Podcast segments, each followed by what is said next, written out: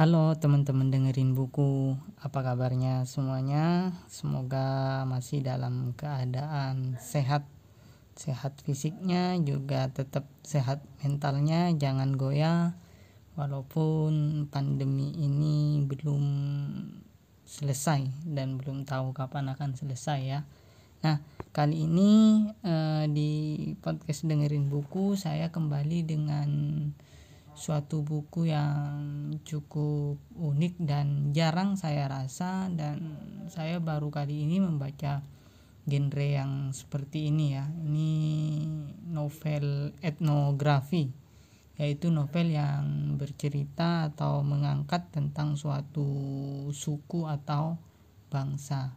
Nah kebetulan uh, di sini bukunya berjudul segala yang diisap langit karangan dari Pinto Anugrah yang diterbitkan pertama kali bulan Agustus tahun 2021 oleh Bentang Pustaka.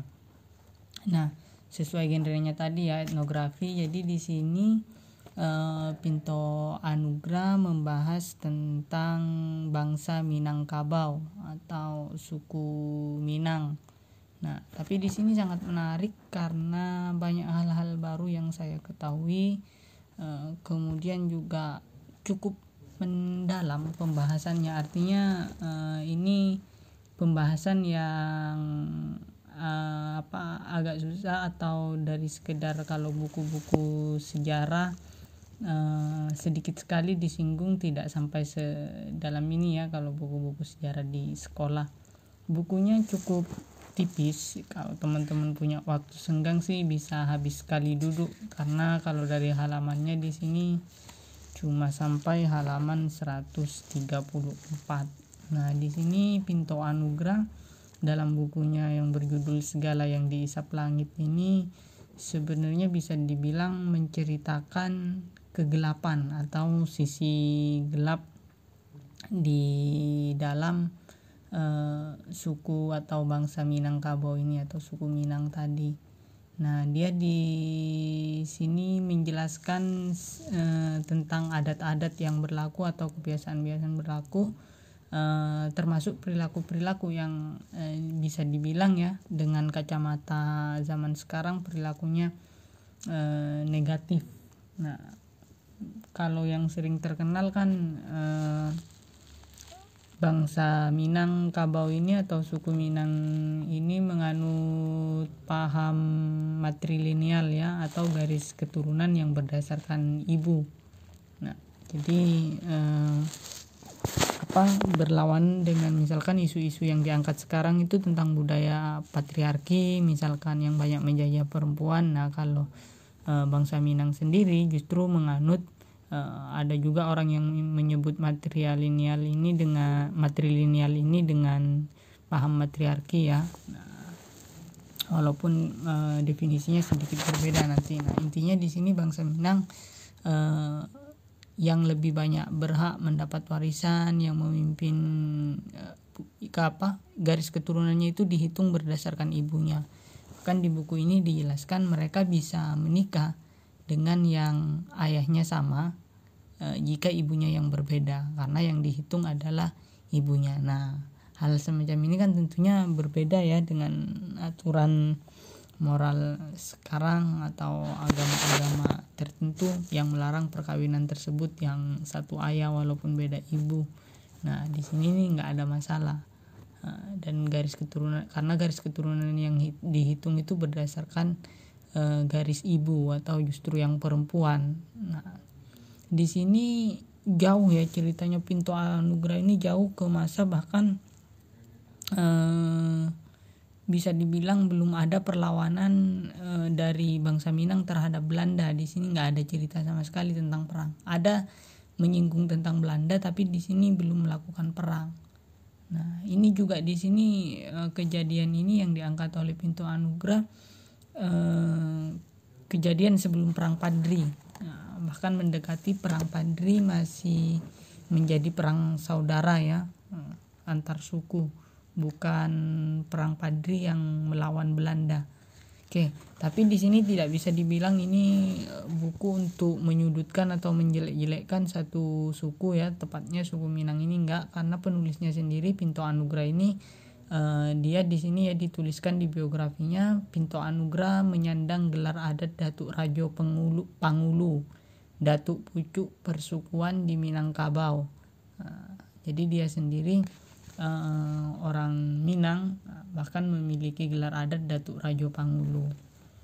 Nah, di sini diceritakan bahwa ada tentang Ranji Rangkayo di mana Ranji Rangkayo ini e, disebutkan juga di sini ada semacam perjanjian gitu bahwa keluarga mereka ini akan kaya raya sejahtera turun temurun sampai turunan ketujuh. Nah, di turunan ketujuh e, atas perjanjian tersebut kutukannya adalah akan punah setelah itu. Nah, hal ini yang diangkat oleh Pinto Anugrah bahwa e, bisa dibilang mitos atau kepercayaan mereka tentang bahwa ketika di keturunan ketujuh mereka keturunannya akan selesai akan punah. Nah, e, di sini e, agak ini ya mungkin ya agak apa namanya awal-awal kita akan sedikit butuh energi untuk mencernanya karena banyak hal-hal yang sangat asing ya tentunya bagi teman-teman yang bukan di Sumatera atau bukan dari bangsa Minang ini. Nah, di sini juga hmm, disebutnya di apa Ranjirangkayo ini dia tinggal di disebutnya di sini negeri Batangka. Nah, jadi masih berbentuk kayak gitu, hidupnya di sini masih kesuku-sukuan berdasarkan garis keturunan tadi, marganya yang dilihat kayak gitu-gitu. Nah, di keluarganya Rangkayo ini sampai di di sini diceritakan di Bungo Rabia ini Bungo Rabia merupakan keturunan ketujuh nah, yang berdasarkan mitos mereka atau kepercayaan mereka uh, akan selesai di Bungo Rabia ini. Nah di sini juga unik ya uh, ceritanya dibuka tentang konflik keluarganya dulu. Jadi keturunan ketujuhnya ini hanya dua bersaudara Rabia sama Mage Takangkang. Nah, yang di mana dia bersaudara satu ibu. Nah di sini kesalahan mereka pertama adalah melakukan hubungan yang secara suku mereka juga salah sebenarnya karena satu ibu. Nah sampai si bunga rabia ini uh, hamil. Nah, tapi uh, anak yang dilahirkan itu laki-laki. Singkat ceritanya gitu. Yang Artinya karena laki-laki berarti dia tidak bisa melanjutkan keturunan Rangkayo ini. Nggak bisa dihitung. Karena yang dihitung adalah perempuan. Nah tapi e, Bungo Rabia dengan Mage Takangkang ini tidak menikah ya dia. Jadi hanya hamil. Si Mage ini pergi sebagai laki-laki di suku itu dia pergi berdagang nah, yang perempuan tinggal di rumahnya itu. Tapi dia menikahi karena tidak ingin ketahuan orang lain ya bahwa dia hamilnya dengan si Mage ini. Dia e, menikah dengan orang yang bukan harusnya. Dia kan punya pangkat tinggi ya keluarga terpandang. Harusnya dia menikah dengan yang selevel. Nah tapi di sini dia menikah dengan warga biasa seperti itu hanya untuk menutupi kehamilannya tadi nah, jadi dia sebenarnya udah hamil duluan baru nikah Nah, kemudian setelah uh, kandungannya tersebut berhasil lahir tadi ya yang saya sebutkan laki-laki dia menceraikan suaminya tadi.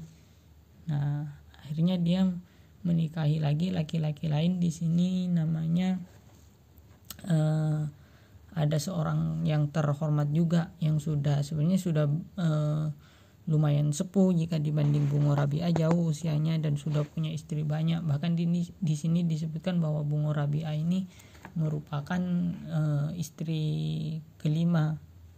Nah namanya Tuanku Tan Amo.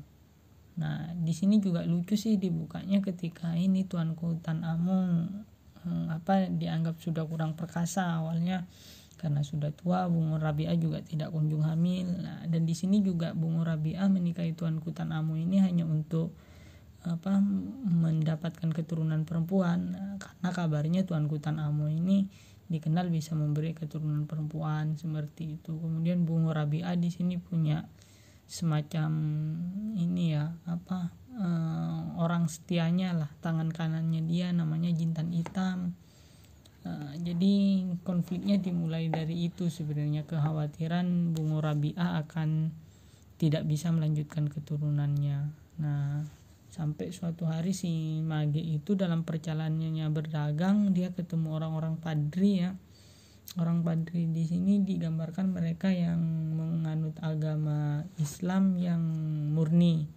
Nah sebenarnya orang-orang di negeri Batangka ini udah muslim juga semua.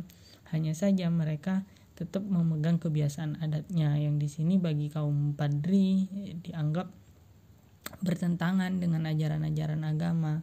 Nah, karena orang-orang eh, yang memegang adat ini ya termasuk Ranji Rangkayo ini yang dipimpin Bungo Rabi'ah ini ya masih eh, tadi misalkan eh, yang tidak disetujui oleh agama yang tidak sesuai masalah garis keturunan yang mengikuti berdasarkan ibu atau perempuan nah, sedangkan kalau di Islam kan berdasarkan laki-laki nah, termasuk pembagian waris Nah, terus di sini digambarkan kebiasaan adat mereka itu atau kebiasaan orang-orang suku ini eh, senang sekali yang namanya berjudi.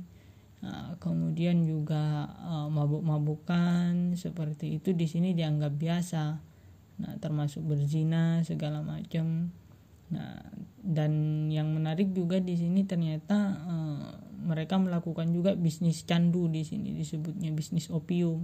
Nah, termasuk dengan etnis Cina dengan Belanda nah kalau teman-teman ini ada waktu bisa searching tuh tentang peredaran candu atau peredaran opium di Indonesia. Ternyata dulu memang bisnisnya Belanda salah satunya itu. Jadi banyak hal-hal menarik di sini ya terutama yang berkaitan dengan sejarah itu. Nah jadi singkat ceritanya di sini Bungo Rabia pengen punya anak perempuan e, untuk melangsungkan keturunannya sampai akhirnya dia setelah sekian lama berusaha ya menikahi Tuan Kutan Amu. Itu akhirnya berhasil hamil dan menurut dukun beranaknya anaknya perempuan dan benar ketika lahir adalah perempuan.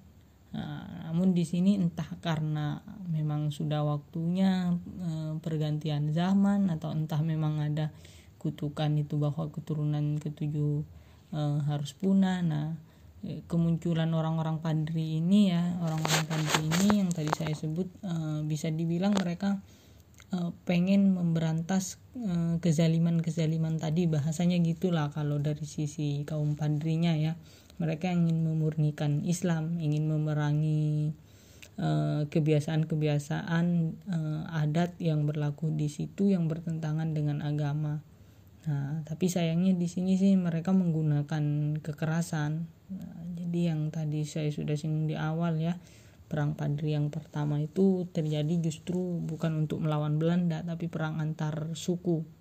Perang antara orang-orang Padri dengan kaum adat.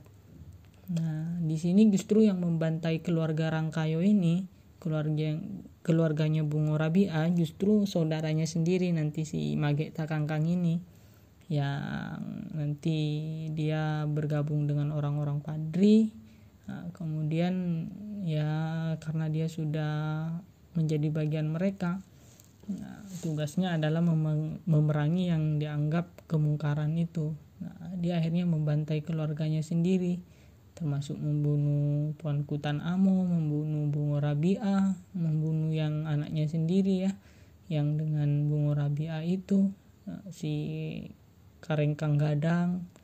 Nah, kemudian juga bahkan anak yang masih bayi saya pikir di sini nggak bakal dibunuh. Nah anaknya Bungo Rabia yang dikasih nama Bungo Laras yang dengan Tuan Kontan Amu itu masih bayi waktu kejadian ini.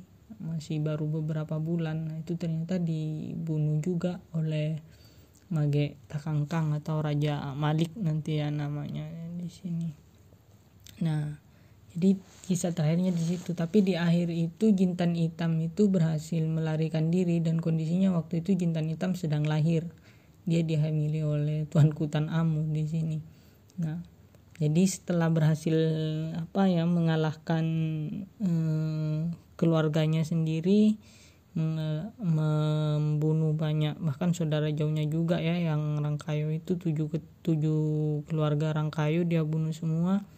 Nah dia bilang ke pengikutnya ya eh, bahwa silakan tempati daerah ini bagi rata bagi seadil-adilnya kelola lahannya dan segala macam tapi tunggu sampai bau mayat di situ hilang. Nah, tapi ternyata nggak hilang-hilang sampai berbulan-bulan bertahun-tahun. Nah, nah, sampai di akhirnya itu ditutup si jintan hitam kembali ke tanah tersebut. Nah, dan dia meneruskan keluarga Rangkayo ini nah, karena dia juga dia sebenarnya bukan dari keluarga Rangkayo asli tapi sudah dianggap keluarga. Jadi dia anak sebatang kara nah, ayahnya pedagang dan lain sebagainya.